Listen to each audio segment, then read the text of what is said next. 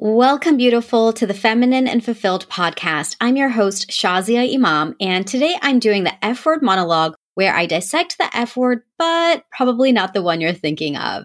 And if you do want to hear the F word that you're thinking of, check out episode 100. For today's episode, our F word is fault. And I've got to give you the backstory of how this word even came about because it's actually really funny. I was having dessert with some friends recently. We went to this delicious place called Magnolia in Vienna, Virginia. It is so, so yummy. And it was my first time going. And when the first dessert came out, let me just take you to the moment it arrived. This beautiful cube cake arrives at our table. And when I say a cube cake, it's literally like six inches by six inches by six inches of this angel food cake that's covered in chocolate, topped with a Kit Kat, a macaron, and a Ferrero Rocher. And of course, the piece de resistance was that it was with vanilla ice cream. And this dessert, beautifully plated with a little chocolate thing on top that said magnolia, it was just perfection. so it comes to the table, and I thoroughly enjoyed it every last bite of it. And if your mouth is watering, then go check it out. And my mouth is watering again right now. The desserts there are so delicious. It's this really cute spot in downtown Vienna, which kind of has an old town feel. And Magnolia just is this little cute coffee shop that you see in the movies, except it's for real with great dessert. Okay, you guys, before both of us go off the deep end salivating, let's talk about why this episode came about. So we're enjoying our desserts, and one of my friends at the table says, You know, I still say sorry too much. And I looked at her and I was like, What? How can you still say sorry too much? Because amongst our friends, we've talked about it a lot. And I think I have said so many times, literally over and over again, to not apologize too much. And it's one of these things that now all of these articles have been coming out as well about how women say sorry too much. And I'm like, how can you still be saying sorry? Like, not on my watch. So we're cracking up. And they're like, you should do a podcast episode on it. And I'm like, uh, yeah, I totally will, but I need an F word. So my other friend, Nazia, she says, fault. And I was like, perfect. So today's F word is fault. And we're going to be talking about saying sorry, but not just sorry, language in general, because language that we use is really important. And you might be thinking, it's not a big deal, the words that we use, but the words that we use do come out from our subconscious and they affect our conscious. They affect our behavior. They affect the way that we're showing up in the world. And if you're really looking to live your full potential, you're really looking to go after your big dream and do what it is that you're meant to do in the world, then let me tell you that language plays a big role in that. As always, beautiful, this is not about perfection. You know, I have talked too many times about letting perfectionism go. And so I don't want you to feel like you've got to get every single thing out of your mouth exactly right. That's not what this episode is about. And I invite you to really become conscious about what you're saying so that you're using powerful language that then allows you to be embodied in a powerful way and then do powerful things in this world. So Throw any perfection aside for any perfectionist listening and let's get to it. So let's start with sorry. Oh my goodness. I am just really passionate about this. It's very simple. Say sorry when you do something wrong. Period.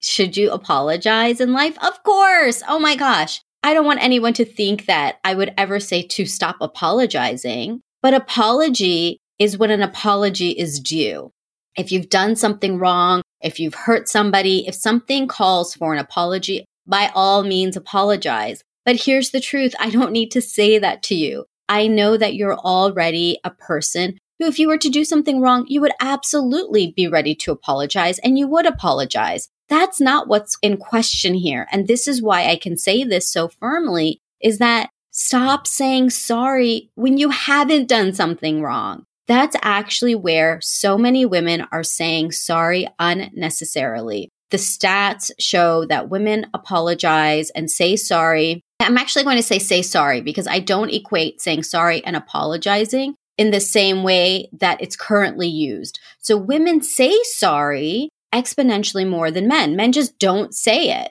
It's just not really a part of their vocabulary. And I believe it's because women from a very young age learn to be apologetic. And while there's a space for apology when you've done something wrong, you don't have to apologize for anything else, let alone your existence. Women sometimes are apologizing on a subconscious level because of their existence, because they feel like they're not enough. The story of not enoughness is one that I know I feel, I imagine you feel, but let's not perpetuate that through saying sorry all the time. So you get to strip sorry from your language. And when you do something wrong, apologize. That could be saying, I'm sorry. That could be saying, you know, I acknowledge what I've done here and here's what I'm committed to doing moving forward. A real apology can show up in a number of ways. But when we're saying sorry, when we didn't do something wrong, it's not okay. And I understand that many of you may be saying, well, Shazi, it's polite. You know, if you bump into somebody, I'm saying sorry because it's polite. Well, here's the thing. Absolutely be polite and learn to use some different words like excuse me, pardon me, oops, you know, laugh, you bump into somebody, nobody did anything wrong. Your cart bumps somebody at the grocery store. It's okay. Excuse me. But when you say sorry energetically and subconsciously, you're taking blame for something that you didn't do. Now, my friend who, when we were having dessert, she was like, well, it's a Southern thing. You know, she started going backtracking a bit and then saying, well, it's a Southern thing. I get that. There are cultural norms. But this is where you get to be honest with yourself. I'm not going to have a conversation about the nitty gritty of things, but be honest with yourself. Are you saying sorry unnecessarily and too many times when you don't need to? You just get to be honest with yourself. We're adults here. So if you feel that it's your way of being polite, then I'm going to invite you to use other words that it's a euphemism for. So saying things like pardon me or excuse me work just as well. And it takes out the charge of that energetic, subconscious way of apology. I'm really passionate about this because women are saying sorry way too much. And for women to really be empowered, we get to shift our language. So you say sorry when you do something wrong. And now just notice when you say sorry, you don't have to beat yourself up about it, but be conscious of it because now you're going to hear yourself, you're going to hear others, and choose another word really think about this. And this is something I had to learn too. I didn't come out of the womb feeling like this. I used to say sorry all the time too. And somebody taught me this. They taught me this when I was in my 20s, and it has really served me well. And that's exactly what they said say sorry when you do something wrong. And I absolutely do. I have no qualms about apologizing when I've done something wrong but I don't use sorry as a filler word. So let's move into filler words because sorry is one of them. And I've talked about subconsciously what that does. And let's move now to some other filler words that are so commonplace, you may not even be noticing that you use them. And most of these filler words are actually ones that I still use myself, and I'm working on it. I'm really, I am really working to be conscious of my language because not only because I have this platform with you and I want to be speaking well. It's not about that. It's about I want my beingness, my energy to really be one that is clear and empowered and moving forward in my greatest self. So some of these filler words, the first one is the, you know, or right at the end of what you say. Oh my God, you guys, I do this one all the time. Like I'll just talk and I'll be like, you know, so here's the thing when you are saying a you know or a right, you're taking what you said and then you're asking for validation from the other person. That's what's happening. Oh my God. When I heard this beautiful, I was like, oh my God, I do this all the time. And truth be told, I do look for validation. This is my greatest thing I'm working on in 2020 is to move past validation. Validation is not serving me and it's not serving my vision. And while validation feels great, it's a wonderful thing. I can't function from a place of validation. I can't do things only if I'm validated, or I'll stop doing something if I'm not validated. So, in the simple ways that I may at the end of a sentence say, you know, right? oh my gosh, it's a sneaky way of wanting that validation. So I've just been really conscious to say, even when I say, you know, I'm like, wait, hold on. And I'll stop myself and I'll say, wait, no, that's all I had to say, not the you know. I mean, I'll just call myself out on it. Or if I say right, you know, I'll call myself out on it because I'm practicing. You know, life is about being in practice. So again, it's not about perfection, but it's about practice. And I want to speak in a way that when I say something, I don't automatically negate it by asking for that validation. Because when I add that piece, when somebody says a you know or a right at the end of a sentence, it takes the power away from what you just said. Because now, you know, the other person, of course, might be like, yeah, totally. But what it does is it puts the other person in a position to have to validate you, even though they may not even agree with you or want to validate you or need to validate you. It puts them in a position where they have to respond and give you an affirmation. So you're actually putting somebody in, I would say it's not a horrible position, but in a difficult position. Maybe they don't want to actually affirm what you're saying. Or maybe they need time to process. Regardless, you get to say things and put it out into the space because what you're saying is valuable and meaningful and your voice matters. Nobody else needs to validate that for you. So I'm going to go back and listen actually to this episode and get this drilled into my head so that I speak from a place of authority. And you get to do that too, because there are things that you know that you are passionate about and you get to speak from a place of authority. That's it. There's really nothing that somebody else has to give approval for, for you to believe or say the things that you want to. So those filler words are really big.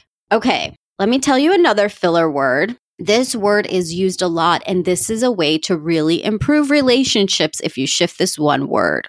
But, okay, not that kind of but, the B U T but.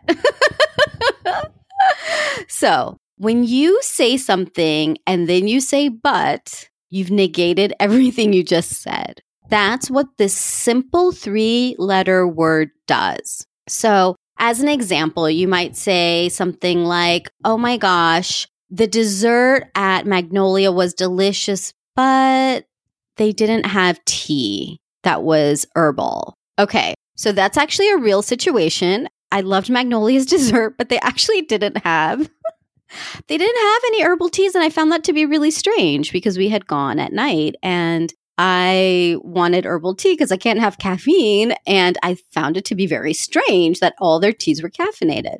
Okay, that's a total aside, but let's go back to the sentence of I loved their desserts but they didn't have herbal tea. So what I did is I negated really what I said about them having these amazing desserts. And you might be thinking, okay, Shazia, but I get it. Like you like their desserts, but they didn't have tea. But look at what we're focusing on. We're actually focusing on what came after the but. We typically use but to negate what just happened or to take away the fullness of that.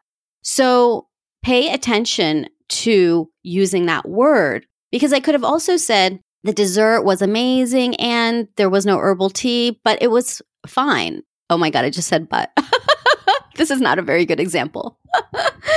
okay, but the point is this. Oh my gosh, now I'm saying but all the time, you guys. The point is that be careful of using the word but because it does negate what you're saying. An alternative word to use is and. And creates a harmonious statement, whereas but is a disharmonious statement and it cuts things off. I am not an English literature major, so now I'm like, oh gosh, what am I saying? I'm starting to doubt what I'm sharing with you because I'm like, am I telling you the correct etymology? And guess what? What I'm sharing is going to really support you. And if you're an English lit major and you have any feedback, I'm happy to bring you on and we can dissect this even further. For now, what I'd like to share is that the reason I said that this change of word can improve your relationship is that but is often used when we're speaking to somebody that we love and then we negate something that we're saying to them. So pay attention in your relationship, especially with your spouse. You might be saying things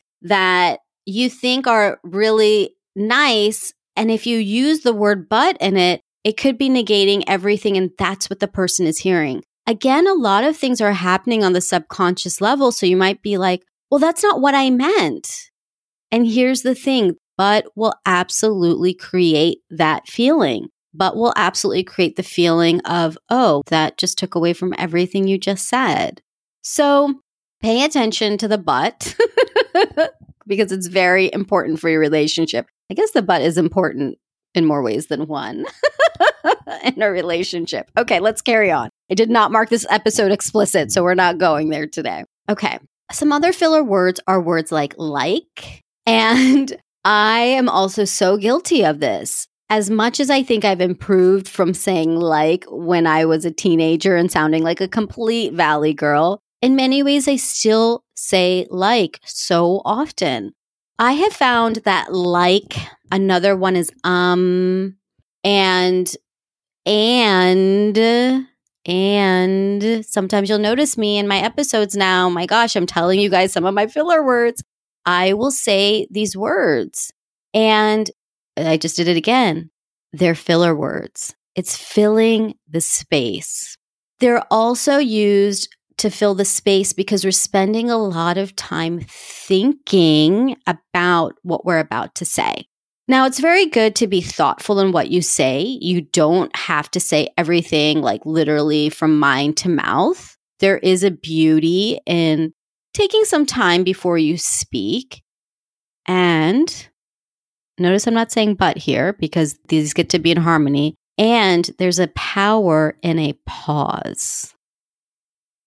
Yep, I just did a pause right there because there's a power in the pause. The pause allows you to be in a space of thoughtfulness without filling the space. Pay attention to any effective speaker that you listen to. I always like to think of Barack Obama, such a powerful speaker. He has the power of the pause on lock. He doesn't say like, um, and the reason that there are periods in a sentence is to stop, to pause. We have periods, we have commas, we have semicolons. There's many ways to break up phrases and sentences. And the power of the pause can support you in really speaking more powerfully. And pay attention to this. I'll give you guys an example. When I'm thinking too much about what I want to say, I know what I want to say, but I want to get the right words because I don't want it to come off wrong. And I'm coming from a place of people pleasing and wanting to say the right thing because I want the other person to like me or to not be offended. I will tend to say a lot of likes and ums because I'm not a hundred percent confident about what I'm saying. So again, the energy is about what's within. When I feel confident, when I'm clear about what I'm saying, I just say it. I absolutely just say it. And I'm learning to say it more and more often. Does it mean I get everything right? It doesn't. It doesn't mean I get everything right. And what I've learned is that then if I make a mistake, I can absolutely apologize if I make a mistake. Nine times out of 10, I'm not though. Nine times out of 10, I have found that when I really am speaking from a place of authority, I'm speaking from a place of confidence, I'm speaking from a place of clarity and not trying to figure out the right words and have all these filler words and all of those things. I have found that the other person is listening attentively. The words that are coming out of my mouth are impactful. And those words then translate into what I'm doing in my life. So this has been a journey for me. The way that I speak now is very different than I spoke two years ago, five years ago, 10 years ago. And I'm continuing to learn. I'm continuing to evolve. And in 2020, I am very much practicing the pause. I'm very much practicing getting to the point quicker. I can't promise anything beautiful on this podcast. I kind of do like the stories I share. And I get to be impactful in the way I speak by coming from a place of authority and confidence and using the power of the pause and not having to deflect in some way through a filler word or maybe self deprecation that I'm still guilty of too. You know, self deprecation, it's not part of the words that we're talking about today, but be conscious of that as well where you might say things like, oh, well, I don't know what I'm talking about, or oh, maybe I'm just saying that. I just think that. Who really knows? be careful of those comments too. That gets to be its own episode. But self deprecating comments where you actually do negate what you just said very blatantly, it's not serving you. It really is not serving you. But today I want to focus on, not but, and today I want to focus on. this is getting so complicated, you guys. today I want to really focus on the small shifts in your language and how that can support you. So, so far we've talked about apologizing and saying sorry when you're apologizing, when you've done something wrong. We've talked about not using validating questions at the end of what you say, like, you know, or right. We've talked about the filler words and how the filler words such as um, like, and are not serving you in really being an effective speaker. We talked about the simple word of but, changing that to an and, and how that creates a harmony. It creates a win win instead of discord, disharmony, negating what you just said. And now I wanted to share one last thing in terms of language. And this thing is the use of extra adjectives. This is a next level thing I want to share with you because it's something I noticed very recently about myself. And I just did it. Did you catch what I did? I said very recently rather than recently. And I've noticed that I've been using these extra adjective words quite often where I'm like very, very, or really. And I could have just said the adjective, I could have just said the word. And so I use this often and I do it for emphasis, except again, it's similar to the power of the pause. Less is more. So when I'm saying something like, oh, that was really, really, really delicious, less is more when I can say, that was delicious. There's something about adding in these extra adjectives that I have been reflecting on as to why am I using that language? It's fun and it's exciting, and I'll probably still do it to a certain extent. And I know that it's taking away again from my authority. It's taking away from my confidence in some way that I have to say that to have you really, really, really, really get it. Where I could speak just as powerfully and have you get it by saying the dessert was delicious instead of I really, really, really want you to get it beautiful that I loved the amazing, really, really, really very good dessert. so I'm totally being an extreme right now, but I want to highlight that because that is something that is also nuanced. And I know now I'm getting kind of nitpicky, but it's important. It's important the language that you're using. So I have a really great tool I want to share with you called Grammarly. So, Grammarly is a Chrome extension. Chrome extensions are extensions that you can add to your Chrome browser that are completely free and they sit on your browser. So, the way that Grammarly works is that it actually is able to read what you're writing and it will support you in using more powerful language. So, for example, if you use the word sorry, it will underline it. And just so that you can double check, it will also do simple things like if you put your, Y O U R, instead of your, Y O U apostrophe R E, if you're trying to say you are, it will catch things like that. So it does that. And what I really like about it is it catches these nuanced things I talked about today. Another word I didn't even touch on is just. When we say just, we minimize things. So Grammarly will catch the word just. It will catch the word really. Remember, I talked about how I say really something. Grammarly will catch that and underline it so that you can look at it and be like, oh, yeah, let me take that out. That doesn't make sense. So it's really supported me in writing effective communication because a lot of our communication now is written. So, especially in a professional setting, Grammarly will really support you will support you. Oh my gosh, you guys. I'm laughing. I'm catching every last thing right now. And it's been a great tool to use. So, what I've also found is that because it's catching my written communication, it's helping to me to be more conscious of it in my spoken communication as well. So that's a great tool. Grab it. If you don't already use a Chrome browser, I highly recommend it. I love it over Internet Explorer. Firefox is also great, but I've moved to Chrome now because everything I use is Google based. Even my laptop now is a Chromebook. So that would be my recommendation to you is to grab the Grammarly extension. So your written communication can significantly shift and you can just be aware of it. Maybe it's just small shifts. It's not significant. And then practice on the communication. And I would love to hear about your journey with this. So tell me what words you use often. You can reach me at thelifeengineer.com slash contact. And I would love to hear what have you been using and what are you committed to shifting? Because while this seems like such a small topic,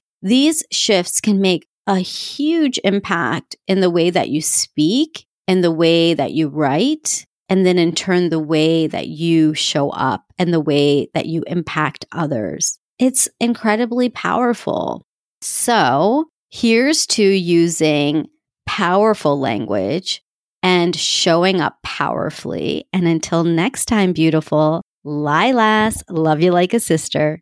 Oh, and uh, one last thing before I forget, I wanted to give you a really special gift because how could I not? I actually have a list of my favorite things that make me feel feminine and fulfilled. And I would love for you to have it so that you can grab whatever you want from the list. So if you want to see my list of my favorite things, go to thelifeengineer.com slash favorite. And it is a full list of all of the things that I love and all the links for you to grab them. So that's thelifeengineer.com slash favorite. And I just had to give you a gift, beautiful, because you deserve a fabulous gift. And why not all of the most favorite things to make you feel feminine and fulfilled? Okay. Love you.